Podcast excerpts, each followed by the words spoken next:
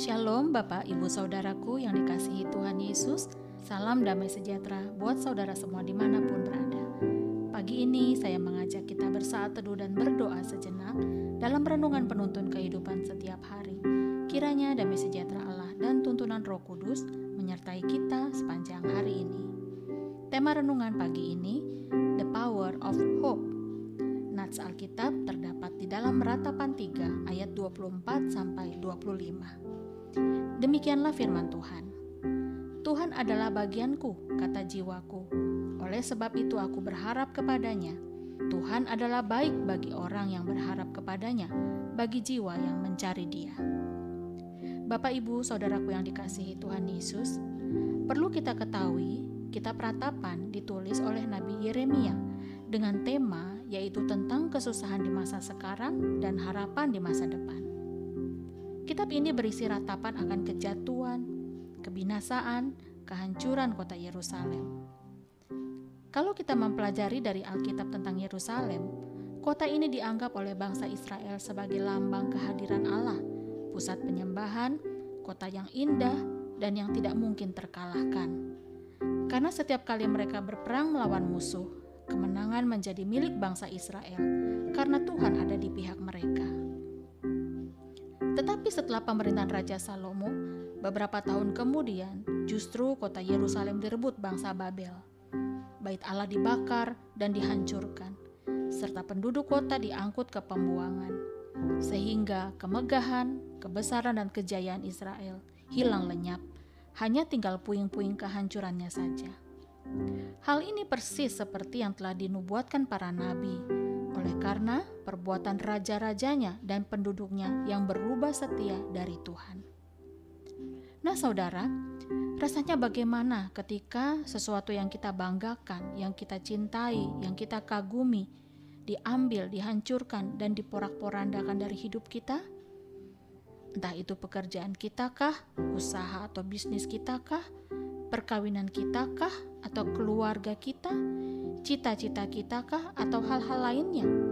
Tentu kita bisa marah, sedih, kecewa, frustasi, depresi, sakit hati, putus asa, bahkan kita merasa sangat menderita. Jadi tekanan berat itulah yang terjadi juga atas bangsa Israel ketika Yerusalem diporak-porandakan. Tetapi saudara, bukankah banyak orang menghadapi keadaan yang begitu sulit, sampai-sampai ada orang yang ingin bunuh diri? Artinya, dia sudah hopeless saudara. Namun pagi ini mari kita perhatikan dengan baik apa yang dikatakan firman Tuhan. Tuhan adalah baik bagi orang yang berharap kepadanya, bagi jiwa yang mencari dia. Saudara, harapan adalah satu hal yang sangat kita butuhkan Harapan kepada siapa? Alkitab mengarahkan kepada kita agar kita berharap kepada Tuhan saja. Mengapa bangsa Israel diizinkan Tuhan, bahkan kelihatan seperti dibiarkan Tuhan, mereka dibuang ke Babel? Bukankah Israel disebut sebagai umat pilihannya, umat kesayangannya? Saudara, ingatkah bahwa Tuhan pernah berkata dalam Wahyu 3 ayat 19, Barang siapa ku kasih, ia ku tegur dan ku hajar Sebab itu relakanlah hatimu dan bertobatlah. Nah, apakah saudara dapat menangkap maksud Tuhan yang baik di sini?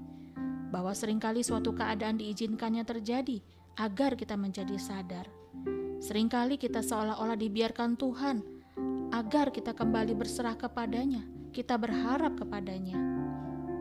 Intinya, Tuhan mau agar kita mulai serius tentang hubungan kita kembali dengan Tuhan. Jadi, Ketika kita memiliki hati yang kembali berharap kepada Tuhan, maka percayalah, sesuatu yang baik pasti akan terjadi. Lalu, saudaraku, ada juga yang harus kita perhatikan. Apa itu? Kadang-kadang, waktu kita sedang berharap kepada Tuhan, tetapi sesuatu yang kita harapkan belum juga datang, maka tidak dapat disangkal bahwa ada masa-masa di mana kita tidak dapat lagi bertahan. Kalau sudah begini, kita harus bagaimana? Yesaya 40 ayat 31 memberitahukan kepada kita bahwa orang-orang yang menanti-nantikan Tuhan mendapat kekuatan baru. Mereka seumpama raja wali yang naik terbang dengan kekuatan sayapnya. Mereka berlari dan tidak menjadi lesu. Mereka berjalan dan tidak menjadi lelah. Ini artinya apa, saudaraku?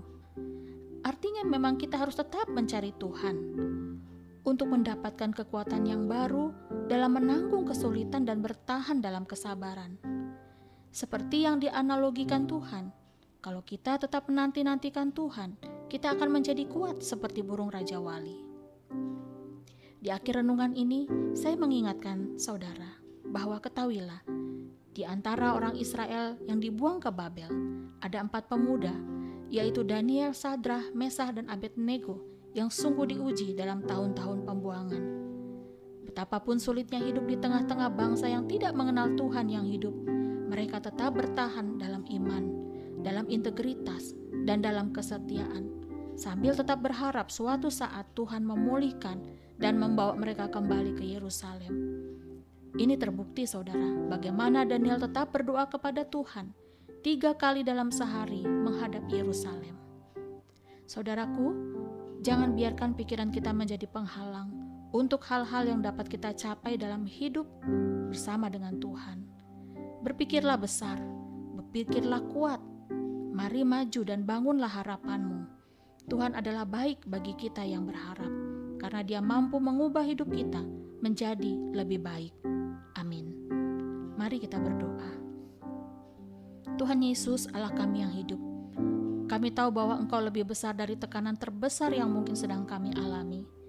Baik itu tekanan dalam keluarga, pelayanan, komunitas, sekolah, kampus, tekanan di kantor, tekanan dalam hubungan dengan pasangan, tekanan dalam sakit penyakit, broken home, kesulitan ekonomi, bahkan ketika kami dipecat, difitnah, tidak lulus, belum mendapat kerjaan, terlilit hutang, belum dapat jodoh, toksik, relationship, apa pun itu Tuhan, buat kami kuat, optimis, dan bertahan dalam pengharapan.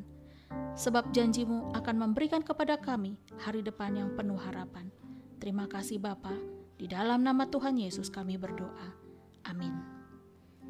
Kiranya berkat yang sempurna dari Allah Bapa, kasih karunia dari Tuhan Yesus Kristus, dan persekutuan yang indah dengan Roh Kudus menyertai kita dari sekarang ini dan sampai selama-lamanya Maju terus dalam tuntunan Tuhan saudara, tetaplah semangat. Sampai jumpa esok hari di penuntun kehidupan setiap hari, dan Tuhan Yesus memberkati.